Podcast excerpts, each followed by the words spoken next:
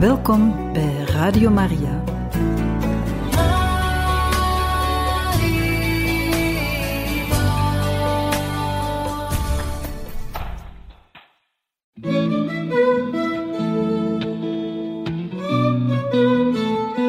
De kerk spreekt.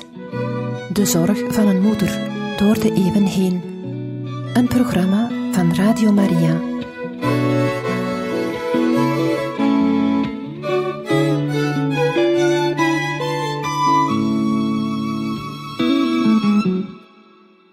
Harte welkom, beste luisteraars van Radio Maria, bij het programma De Kerk Spreekt. Wij lezen verder in de encycliek Pacem in Terris, Vrede op Aarde, geschreven door de heilige paus Johannes de 23ste op 11 april 1963. Ondertussen waren we aangekomen bij het tweede deel betrekkingen tussen de individuen en het openbaar gezag binnen iedere politieke gemeenschap. Artikel 2 De verwezenlijking van het algemeen welzijn. Alle individuen en intermediaire lichamen zijn verplicht, elk op hun wijze, bij te dragen tot het algemeen welzijn. Dit houdt in dat zij bij het nastreven van hun eigen belangen rekening houden met de behoeften van anderen en hun bijdragen in goederen en diensten richten naar de beslissingen die de overheid neemt volgens de normen van de rechtvaardigheid en binnen de regels en grenzen van haar competentie. Deze beschikkingen van het gezag moeten in zichzelf volkomen juist zijn en bovendien het algemeen welzijn bevorderen of minstens daartoe kunnen leiden. Omdat nu het gezag heel zijn zin ontleent aan het algemeen welzijn, moet de overheid de wezenlijke elementen van dit algemeen welzijn in acht nemen en tevens bij haar maatregelen rekening houden met de situatie van het ogenblik. Artikel 3 Fundamentele aspecten van het algemeen welzijn. Tot het algemeen welzijn behoren zeker de bijzondere karaktertrekken van ieder volk op zich. Toch maken deze niet de volledige inhoud uit van het algemeen welzijn want omdat dit laatste wezenlijk verbonden is met de menselijke natuur, kan het niet ten volle worden begrepen, noch in zijn wezenlijke elementen, noch in zijn historische verwerkelijking, tenzij vanuit de menselijke persoon. Bovendien volgt uit het wezen van het algemeen welzijn zelf dat alle leden van de gemeenschap erin moeten delen. Zij het dan in verschillende mate overeenkomstig ieders functie, verdiensten en omstandigheden. Daarom dienen alle gezagsdragers ervoor te zorgen dat het algemeen welzijn strekt tot voordeel van allen, zonder dat daarbij een bepaalde burger of een klasse van burgers wordt voorgetrokken. Gelijk onze voorganger Leo XIII verklaart. Het mag volstrekt niet voorkomen dat het burgerlijk gezag slechts het welzijn van een enkeling of van weinigen zou dienen. Want ter behartiging van aller gemeenschappelijk welzijn is het ingesteld. Toch kunnen redenen van rechtvaardigheid en billijkheid soms eisen dat de overheid een bijzondere zorg besteedt aan de zwakkere leden van de gemeenschap, omdat deze niet voldoende in staat zijn hun rechten te doen gelden en hun rechtmatige belangen te bevorderen. Wij menen hier onze zonen erop te moeten wijzen dat het algemeen welzijn de gehele mens betreft, zowel zijn lichamelijke als zijn geestelijke behoeften. Hieruit volgt dat de regeerders door geschikte middelen en in de juiste mate dit welzijn moeten behartigen, en wel zo dat zij en in de materiële welvaart en in het geestelijk welzijn voorzien, met inachtneming van de hiërarchie der waarden. Deze principes liggen duidelijk opgesloten in een passage van onze encycliek Mater et Magistra, waar wij verklaarden: Het algemeen welzijn omvat het complex van menselijke factoren die de mensen in staat stellen hun persoonlijke vervolmaking vollediger en gemakkelijker te verwezenlijken. Aangezien de mens bestaat uit een lichaam en een onsterfelijke ziel, kan hij in dit sterfelijk leven zijn aspiraties niet volledig bevredigen en geen volmaakt geluk vinden. Daarom moet het algemeen welzijn worden nagestreefd met middelen en methoden die niet alleen geen afbreuk doen aan het geestelijk heil, maar dit ook positief bevorderen. Artikel 4 Taken van de overheid met betrekking tot de rechten en plichten van de persoon.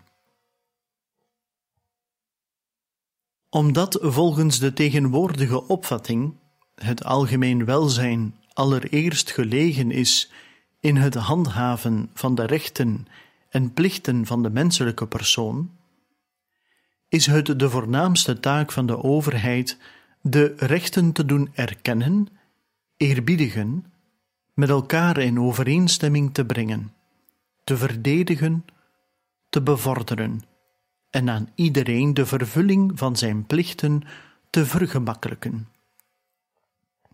Want het is de wezenlijke taak van iedere openbare macht om het onaantastbaar gebied van de rechten van de mens te beschermen en hem de vervulling van zijn plichten te vergemakkelijken. Als dus overheidspersonen de rechten van de mens niet erkennen of ze schenden, dan schieten zij niet enkel tekort in hun plicht, maar dan hebben ook hun verordeningen geen enkele bindende kracht. Artikel 5 Harmonische ordening en daadwerkelijke bescherming van de rechten en plichten van de persoon. Bovendien heeft de overheid de fundamentele plicht de rechten van de burgers onderling op passende wijze te regelen en zo met elkaar in overeenstemming te brengen, dat de uitoefening van de rechten door de een geen beletsel vormt voor de rechten van de ander, en hem niet belemmert in de vervulling van zijn plichten, dat ieders rechten worden gehandhaafd, of, als ze geschonden zijn, worden hersteld. Artikel 6 de plicht om de rechten van de menselijke persoon te bevorderen. Verder heeft de publieke overheid de plicht een milieu te scheppen waarin het voor alle leden van de gemeenschap mogelijk en gemakkelijk is hun rechten uit te oefenen en hun plichten te vervullen. De ondervinding leert immers dat waar de overheid verzuimt geschikte maatregelen te nemen op economisch, sociaal en cultureel gebied, er steeds grotere tegenstellingen ontstaan tussen de burgers onderling, vooral in onze tijd, met het gevolg dat rechten en plichten een dode letter blijven. De overheid moet er daarom naar streven dat de sociale ontwikkeling hand in hand gaat met de economische vooruitgang. Zij moet er dus voor zorgen dat, naarmate de productiemogelijkheden toenemen, ook de sector van de noodzakelijke dienstverlening wordt uitgebreid, zoals het wegennet, de transport- en communicatiemiddelen, de drinkwatervoorziening, de huisvesting, de gezondheidszorg, gunstige voorwaarden voor het godsdienstig leven en ontspanningsmogelijkheden. De overheid moet ook verzekeringssystemen in het leven roepen, zodat in geval van tegenslagen of groeiende gezinslasten iedereen de middelen heeft voor een menswaardig bestaan. Zij moet er ook voor zorgen dat aan allen die tot arbeiden in staat zijn, werkgelegenheid wordt verschaft overeenkomstig hun capaciteiten dat er lonen worden uitgekeerd overeenkomstig de eisen van rechtvaardigheid en billijkheid, dat de arbeiders in de productieondernemingen hun arbeid met persoonlijke verantwoordelijkheid kunnen verrichten, dat er gemakkelijk intermediaire lichamen kunnen ontstaan voor een soepeler en vruchtbaarder verloop van het sociale leven, en dat tenslotte allen op aangepaste wijze en in de juiste verhouding deel kunnen krijgen aan de cultuurgoederen. Artikel 7 Evenwicht tussen de twee vormen van interventie van de overheid. Het algemeen welzijn eist dat de overheid bij haar dubbele taak, namelijk voor eerst het harmoniseren en beschermen van de rechten, en vervolgens het bevorderen ervan, een juist evenwicht in acht neemt. Zij mag bepaalde individuen of groepen in de uitoefening van hun rechten niet zo bevoordelen dat zij een bevoorrechte positie krijgen in de gemeenschap. Ook mag het streven om de rechten van de burgers te beschermen niet tot het absurde gevolg leiden dat hun de volledige uitoefening van hun rechten feitelijk onmogelijk wordt gemaakt. Want altijd blijft staan dat de economische activiteit van het publiek gezag, hoe breed en diepgaand ook, de vrijheid van het particulier initiatief niet mag inperken, maar ze in tegendeel moet verruimen met behoud evenwel van de fundamentele rechten van ieder menselijk individu. Ditzelfde moeten de regeerders voor ogen houden bij hun verschillende initiatieven om de rechten van de burgers te bevorderen en de vervulling van hun plichten in alle sectoren van het sociale leven te vergemakkelijken.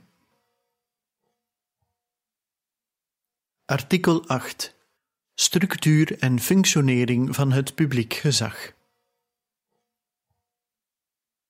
Men kan niet in algemene regels vastleggen welke de beste staatsvorm is en welke de meest geschikte manier is voor de uitoefening van de regeringsfuncties, de wetgevende, de uitvoerende en de rechterlijke macht.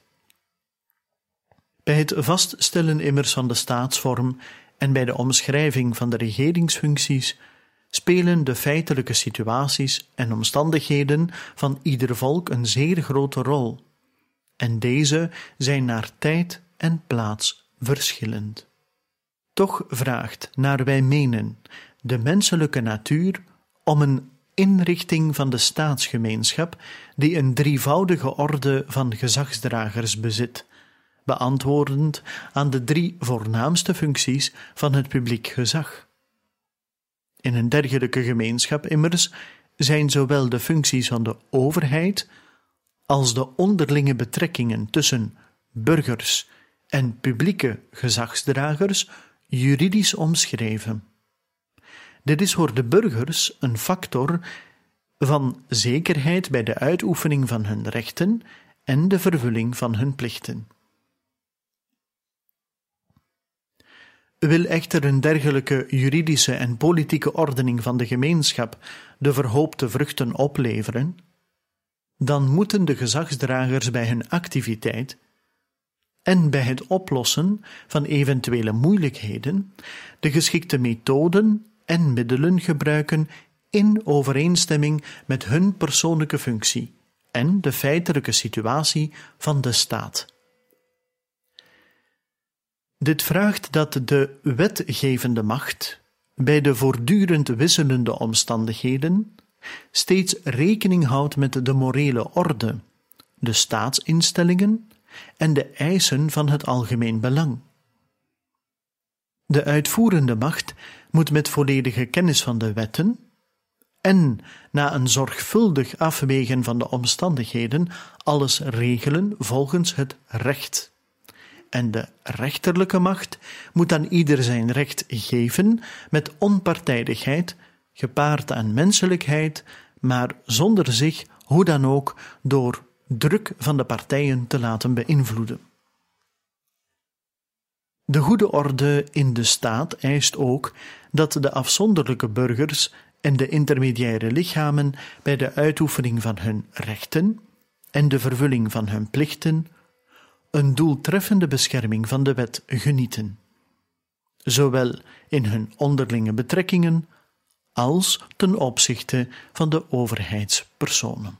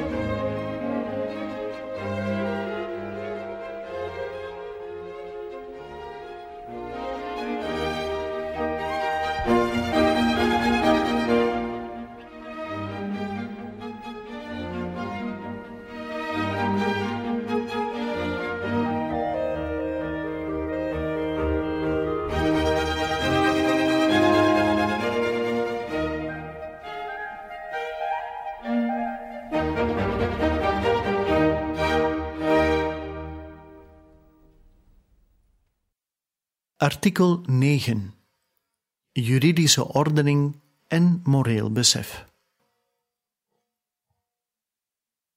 Het valt niet te betwijfelen dat een juridische ordening van de staat, die in harmonie is met de zedelijke orde en die beantwoordt aan de politieke rijpheid van de betreffende gemeenschap, van fundamentele betekenis is voor het algemeen belang.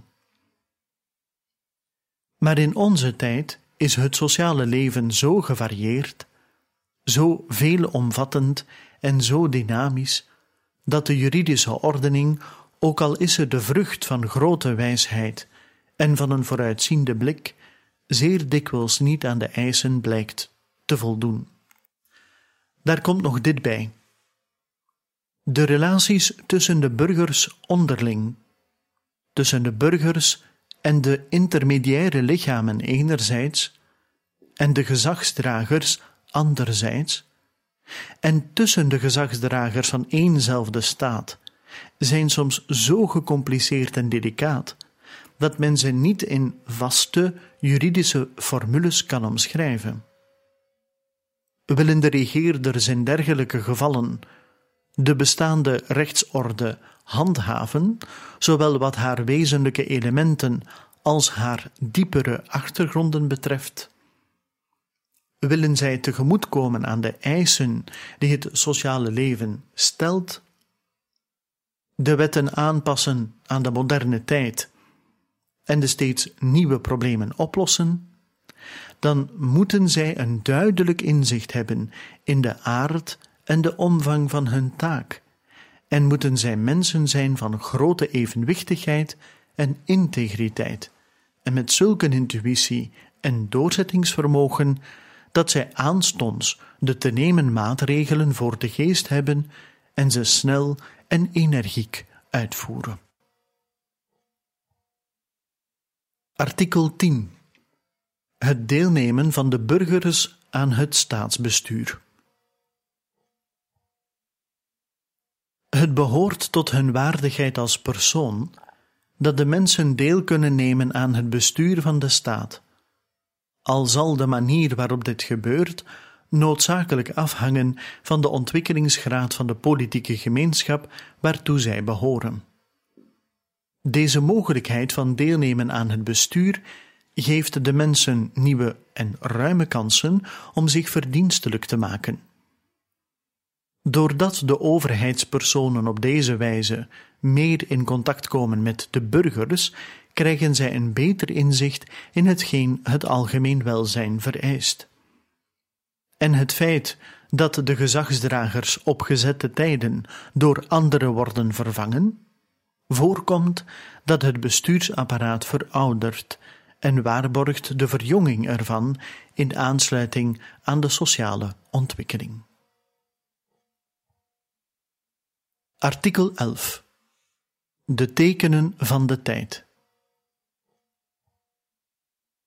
In de juridische ordening van de moderne staten ziet men als voornaamste tendens om in kernachtige en duidelijke formules een charter op te stellen van de fundamentele rechten van de mens. Een charter dat niet zelden in de grondwet van de staat wordt opgenomen. Verder bestaat het streven om aan iedere staat een juridisch geformuleerde grondwet te geven, die bepaalt hoe de gezagsdragers worden aangewezen, die hun onderlinge relaties omschrijft, hun competenties en de middelen en methodes van hun beleid. Ten slotte wil men in termen van rechten en plichten de relaties vaststellen tussen de burgers en de gezagsdragers en kent men aan de overheid als eerste en voornaamste taak toe de rechten en plichten van de burgers te erkennen, te eerbiedigen, met elkaar in overeenstemming te brengen en zorg te dragen voor de bescherming en de verdere uitbouw ervan. Onaanvaardbaar is echter de theorie dat de wil van mensen, het zij individuen of groepen, de eerste en enige bron zou zijn van de rechten en plichten der burgers, de eerste en enige bron ook van de bindende kracht van de grondwet en van het gezag van de overheid. Toch zijn de genoemde tendensen ook een duidelijk bewijs dat de mensen in onze tijd zich steeds meer bewust worden van hun waardigheid. Dit bewustzijn stimuleert hen deel te nemen aan het staatsbestuur en te eisen dat hun persoonlijke en onschendbare rechten door het staatsrecht worden gewaarborgd. Zij eisen bovendien dat de gezagsdragers worden aangesteld volgens de constitutionele normen en dat zij hun ambt binnen de grenzen van deze normen uitoefenen. Deel 3 Betrekkingen tussen de politieke gemeenschappen. Artikel 1 Subjecten van rechten en plichten. Wat onze voorgangers herhaaldelijk hebben geleerd omtrent de politieke gemeenschappen, willen wij met ons gezag bevestigen. Deze gemeenschappen zijn subject van wederzijdse rechten en plichten. Daarom moeten hun onderlinge relaties geregeld worden volgens de normen van de waarheid, de rechtvaardigheid, de effectieve solidariteit en de vrijheid. Dezelfde natuurwet die de onderlinge verhouding bepaalt tussen de individuen, moet ook de relaties regelen tussen de politieke gemeenschappen.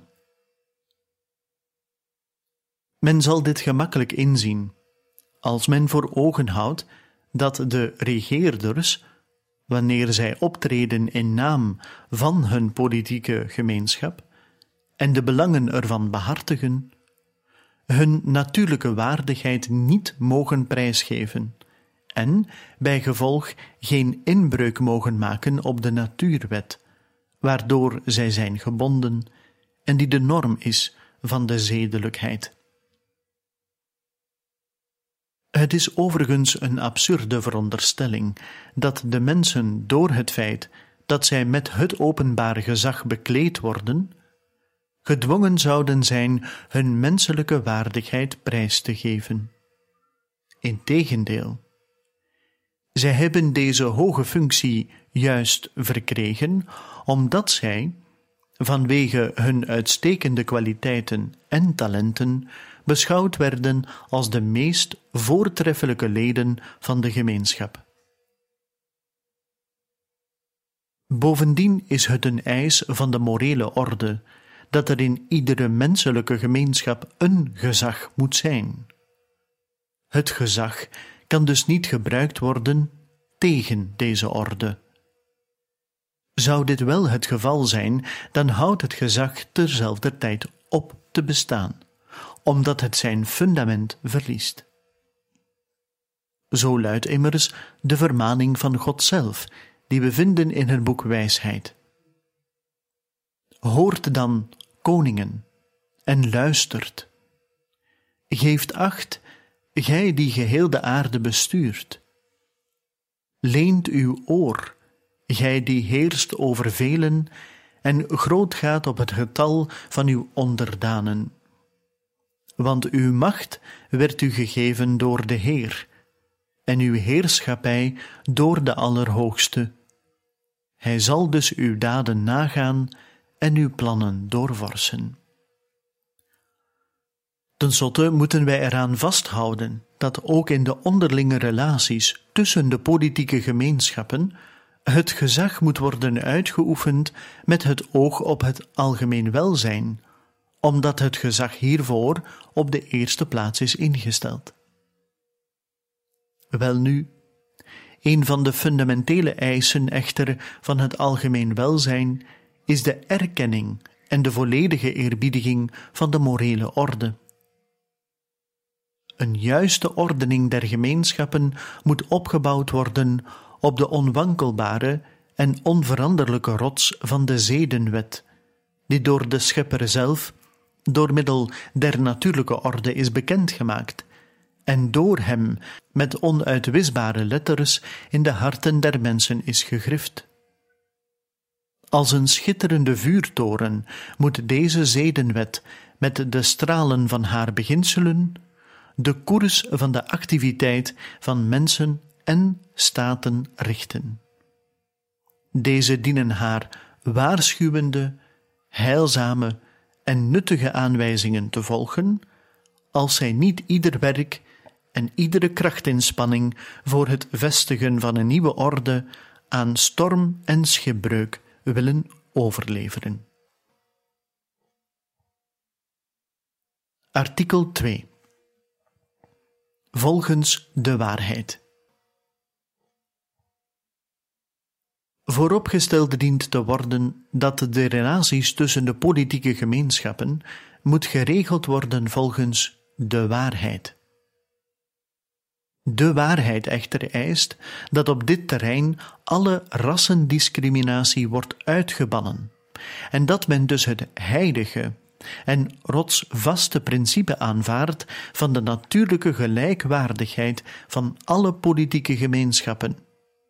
Iedere politieke gemeenschap heeft daarom het recht op bestaan, op ontwikkeling, op de middelen die hiervoor nodig zijn. Zij heeft het recht om zelf op de eerste plaats de verantwoordelijkheid op zich te nemen voor het verkrijgen en bereiken van dit alles. Zij heeft insgelijks het recht op haar goede naam en op de verschuldigde eerbied. De ervaring leert ons dat er tussen de mensen dikwijls verschillen bestaan, ook grote verschillen. In wetenschap, zedelijk leven, aanleg en materiële goederen. Maar dit kan voor de meer bevoorrechten nooit een wettige reden zijn om de anderen hoe dan ook aan zich dienstbaar te maken. Integendeel, dit brengt voor hen, voor allen gezamenlijk en voor ieder afzonderlijk, een des te zwaardere verplichting mee anderen te helpen om zich in onderlinge samenwerking verder te ontwikkelen. Zo kunnen ook bepaalde volken superieur zijn aan de andere in wetenschap, cultuur, economische ontwikkeling. Deze superioriteit echter wettigt volstrekt niet een onrechtmatige overheersing over andere volkeren. Zij moeten in tegendeel des te meer bijdragen tot de gemeenschappelijke vooruitgang van de volken. Geen enkele mens kan van nature superieur zijn aan de andere mensen, want alle mensen bezitten éénzelfde natuurlijke waardigheid. Gezien hun natuurlijke waardigheid verschillen bij gevolg ook de politieke gemeenschappen niet van elkaar. Ieder van deze gemeenschappen immers vormt een lichaam, waarvan de ledematen mensen zijn. Overigens leert de ervaring hoe gevoelig de volken zijn, en terecht, voor alles wat hoe dan ook hun eer raakt. De waarheid eist verder dat bij de vele initiatieven die door de moderne technische uitvindingen verwezenlijkt zijn, en die een wederzijdse kennis van de volken bevorderen en propageren, een rustige objectiviteit in acht genomen wordt. Dit alles sluit niet uit dat de volken vooral hun goede kwaliteiten naar voren brengen. Maar verwerpelijk zijn methoden van berichtgeving die, in strijd met de waarheid en de rechtvaardigheid, de goede naam van een bepaald volk aantasten. Artikel 3 volgens de rechtvaardigheid. Ook moeten de relaties tussen de politieke gemeenschappen geregeld worden volgens de normen van de rechtvaardigheid. Dit vraagt de erkenning van de wederzijdse rechten en de vervulling van de wederzijdse verplichtingen. Uit het feit dat de staten recht hebben op hun bestaan, op ontwikkeling, op de noodzakelijke middelen voor hun vooruitgang, het recht ook om zelf op de eerste plaats deze doeleinden te verwezenlijken, en het recht op goede naam en op de verschuldigde eerbied, volgt dat zij ook de plicht hebben elk van deze rechten krachtig te beschermen en iedere handeling te vermijden die deze rechten kan schenden. Want gelijk de mensen in hun particuliere aangelegenheden, bij het zoeken van hun eigen voordeel, anderen niet onrechtvaardig mogen behandelen, zo mogen ook de politieke gemeenschappen, willen zij geen misdaad begaan, niet een vooruitgang nastreven waardoor andere staten onrechtvaardig schade lijden of onderdrukt worden. Hierop lijkt ons het woord van de heilige Augustinus toepasselijk. Als de staten de rechtvaardigheid aan de kant zetten, wat worden zij dan anders dan grote roversbenden? Natuurlijk kan het voorkomen, en het komt ook inderdaad voor, dat de belangen van bepaalde politieke gemeenschappen in botsing komen met die van andere. Eventuele conflicten echter moeten worden opgelost niet door wapengeweld, bedrog of list, maar zoals het aan mensen betaamt, door wederzijds begrip, rijp en eerlijk overleg en door een billijk compromis.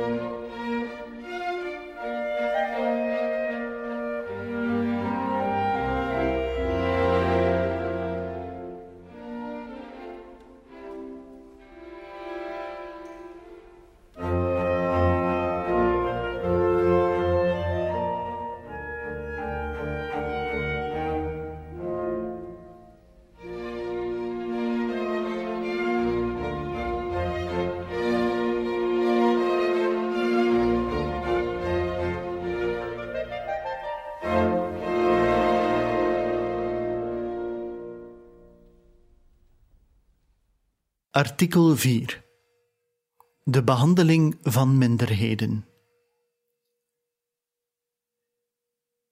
In verband hiermee wijzen wij op de algemene tendens, die sinds de 19e eeuw overal ontstaan en gegroeid is, dat mensen van éénzelfde afkomst zelfstandig willen worden en één gemeenschap wensen te vormen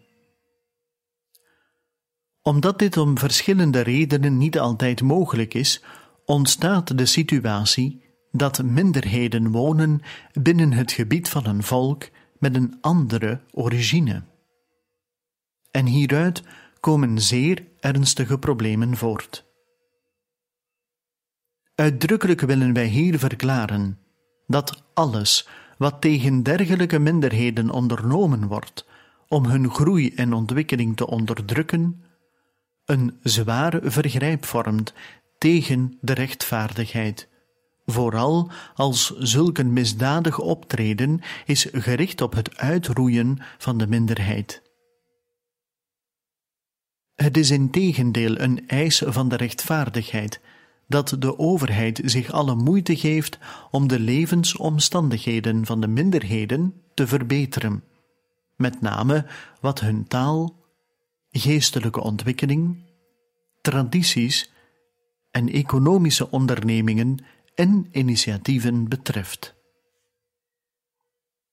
Hierbij moet echter worden opgemerkt dat deze minderheden uit reactie tegen hun situatie, die zij maar moeilijk verdragen, of tegen gebeurtenissen van het verleden, niet zelden geneigd zijn hun eigenheden te overdrijven.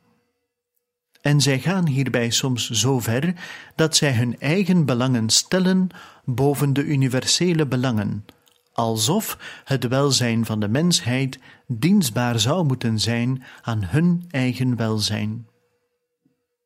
Het is veel eer redelijk dat de minderheden ook de voordelen erkennen van hun bijzondere situatie.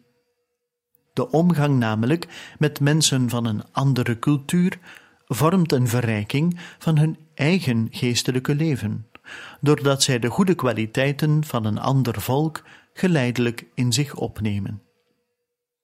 Dit is echter slechts mogelijk als de minderheden met de hen omringde bevolking contact onderhouden en deel trachten te nemen aan haar levenswijze en instellingen, in plaats van conflicten op te roepen die grote schade aanrichten en een beletsel vormen voor de nationale ontwikkeling. Artikel 5 Effectieve solidariteit. De onderlinge relaties tussen de politieke gemeenschappen moeten steunen op waarheid en rechtvaardigheid. Ze moeten bevorderd worden door effectieve solidariteit, door samenwerking namelijk, in allerlei vormen. Wij zien hoe een dergelijke samenwerking in onze tijd tot uitstekende resultaten voert op economisch, sociaal, politiek en cultureel gebied en op het terrein van de gezondheidszorg en de sport.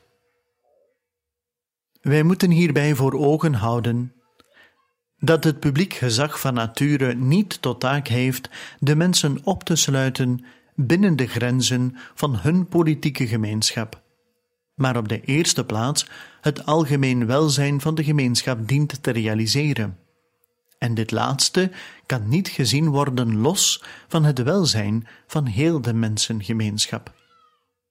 De politieke gemeenschappen moeten daarom niet enkel bij het nastreven van hun belangen elke benadeling van andere gemeenschappen vermijden, maar zij moeten ook met elkaar samenwerken, waar de afzonderlijke gemeenschappen er niet in slagen bepaalde doeleinden te verwezenlijken. Hierbij moet voorkomen worden dat hetgeen voordeel oplevert voor de ene groep van politieke gemeenschappen, schade toebrengt aan een andere groep. Het universeel algemeen welzijn vereist ook dat in iedere politieke gemeenschap vlotte relaties bestaan tussen zowel de individuen als tussen de intermediaire lichamen. Op vele plaatsen ter wereld wonen groepen die in etnisch opzicht min of meer van elkaar verschillen. Men moet ervoor zorgen dat de mensen van een bepaalde etnische groep niet belemmerd worden in hun contacten met mensen van een andere groep. Dit zou een scherp contrast vormen met de situatie van onze tijd, waarin bijna geen afstanden meer bestaan tussen de volken. Ook vergeten men niet dat de mensen van een bepaalde etnische groep niet enkel karakteristieke kenmerken bezitten, waardoor zij van de anderen verschillen, maar daarnaast ook wezenlijke eigenschappen met anderen gemeen hebben, die voor hen een bron kunnen zijn van geleidelijke vooruitgang en vervolmaking, vooral op het gebied van de geestelijke waarden. Zij hebben daarom het recht en de plicht om met de anderen in één gemeenschap samen te leven. Artikel 6 Evenwicht tussen bevolking, land en kapitaal. Het is een algemeen bekend feit dat er landen zijn waar een disproportie bestaat tussen de beschikbare hoeveelheid bouwland en het aantal inwoners. Elders bestaat een disproportie tussen de rijkdommen van de bodem en de noodzakelijke uitrusting voor de exploitatie ervan. Dit vraagt van de volken een onderlinge samenwerking met het oog op een gemakkelijker uitwisseling van goederen, kapitaal en mankracht. Gezien deze situatie achten wij het wenselijk dat, voor zover mogelijk, het kapitaal de arbeidskrachten opzoekt en niet de arbeidskrachten het kapitaal opzoeken. Want zo krijgen talrijke mensen de gelegenheid hun economische situatie te verbeteren, zonder dat zij gedwongen zijn hun vaderland te verlaten, wat zeer pijnlijk is, en zich elders te vestigen. Niet tot gevolg dat zij een totaal ander leven moeten beginnen en zich moeten aanpassen aan een nieuw milieu. Artikel 7 Het probleem van de politieke vluchteling. In de vaderlijke liefde, die God in ons hart heeft gelegd voor alle mensen, voelen wij ons diep bedroefd bij de gedachte aan het lot van de politieke vluchtelingen. Hun aantal is in onze tijd enorm toegenomen en hun leven gaat altijd gebukt onder een leed dat onnoemelijk groot is. Het genoemde verschijnsel bewijst dat bepaalde regeringen te ver gaan in het beperken van de rechtmatige vrijheid, die aan de individuen een menswaardig leven mogelijk moet maken. In de betreffende staten wordt soms het recht zelf op de vrijheid bestreden, of zonder meer ontkend. Dit betekent een radicale omverwerping van de maatschappelijke orde, want het publiek gezag heeft als fundamentele taak het algemeen welzijn te realiseren. En een wezenlijk element hiervan is het rechtmatig domein van de vrijheid erkennen en de rechten ervan intact te laten. Het is daarom niet overbodig erop te wijzen dat de politieke vluchtelingen de waardigheid van persoon bezitten en dat men hun de rechten van de persoon moet toekennen. Deze laatste hebben zij niet verloren door het feit dat zij misschien beroofd zijn van de burgerlijke rechten in hun eigen politieke gemeenschap. Tot de rechten van de menselijke persoon behoort ook het recht zich te vestigen in een land waar men meent een betere toekomst te zullen vinden voor zichzelf en zijn gezin. Daarom is het de plicht van de regeerders de immigranten op te nemen en voor zover het wel begrepen belang van hun land het toelaat, tegemoet te komen aan hen die opname vragen in een nieuwe gemeenschap. Graag maken wij van deze gelegenheid gebruik om openlijk een woord van waardering en lof uit te spreken voor alle initiatieven die geïnspireerd worden door de principes van broederlijke solidariteit of christelijke liefde en tot doel hebben het leed van hen die uit hun vaderland naar elders dienden te verhuizen, te verzachten. Het zij ons ook vergund de sympathie van alle goedwillende mensen te vragen voor de internationale instellingen die aan dit hoogst ernstig probleem al hun zorgen wijden.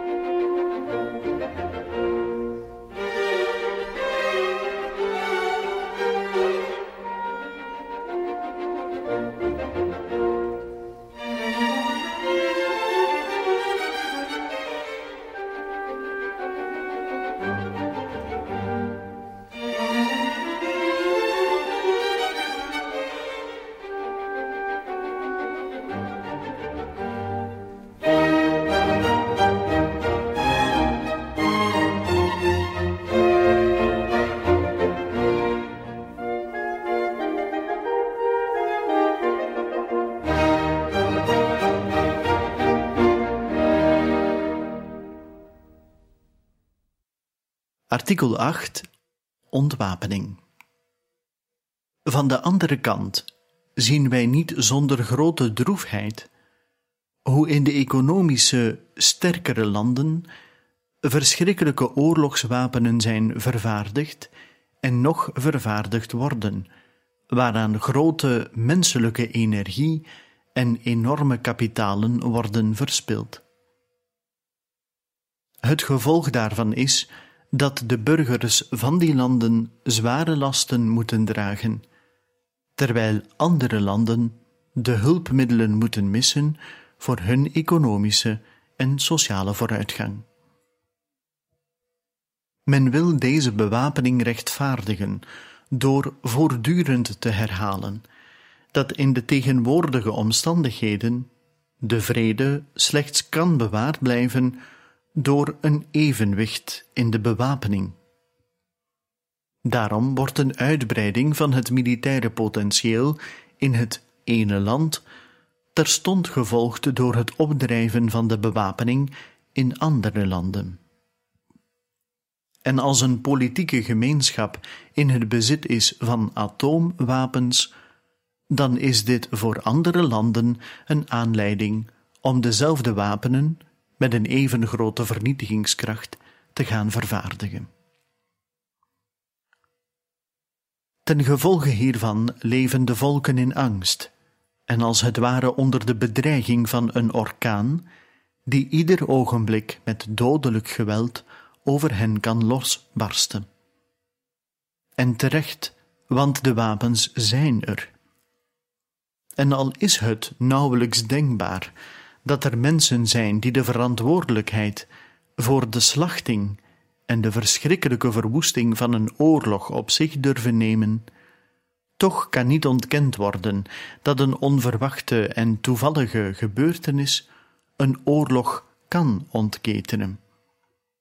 En ook al wordt men op het ogenblik door die geweldige bewapening ervan weerhouden, een oorlog te beginnen, toch is de vrees niet ongegrond dat voortgezette kernproeven voor oorlogsdoeleinden zeer nadelige gevolgen kunnen hebben voor het leven op aarde.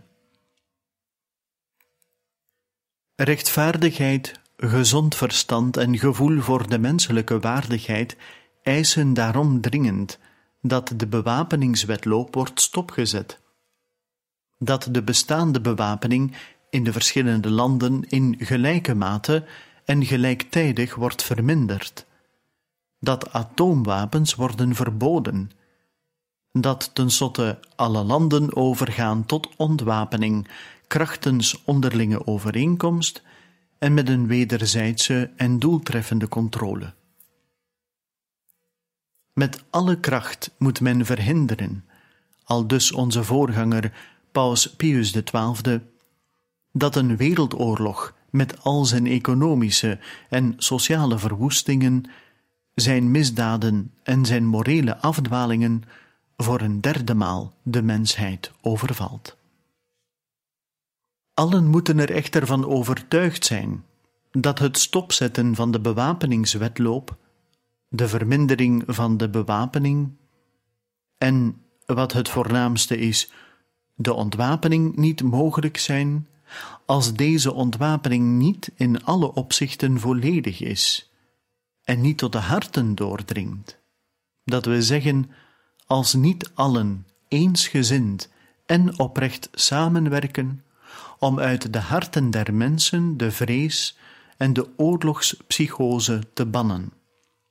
Hiervoor is nodig dat het hoogste principe, waarop de vrede thans gebaseerd is, vervangen wordt door een geheel ander beginsel, namelijk dat de ware en bestendige vrede onder de volken niet moet steunen op het evenwicht in de bewapening, maar alleen op het wederzijds vertrouwen. Wij persoonlijk geloven dat dit mogelijk is, want het gaat hier niet alleen over een eis van het gezond verstand, maar ook over een uiterst wenselijke en heilzame zaak. Het gaat op de eerste plaats over een eis van het gezond verstand. Want allen zijn het erover eens, of moeten het er tenminste over eens zijn, dat de relaties tussen de staten, gelijk ook die tussen de individuen, niet door wapengeweld geregeld moeten worden, maar volgens de normen van de rede, dat we zeggen, volgens de normen van de waarheid, de rechtvaardigheid en de effectieve solidariteit. Het gaat ook over een uiterst wenselijke zaak. Want wie verlangt niet vurig dat het oorlogsgevaar wordt afgewend en dat de vrede bewaard blijft en steeds hechter geconsolideerd wordt?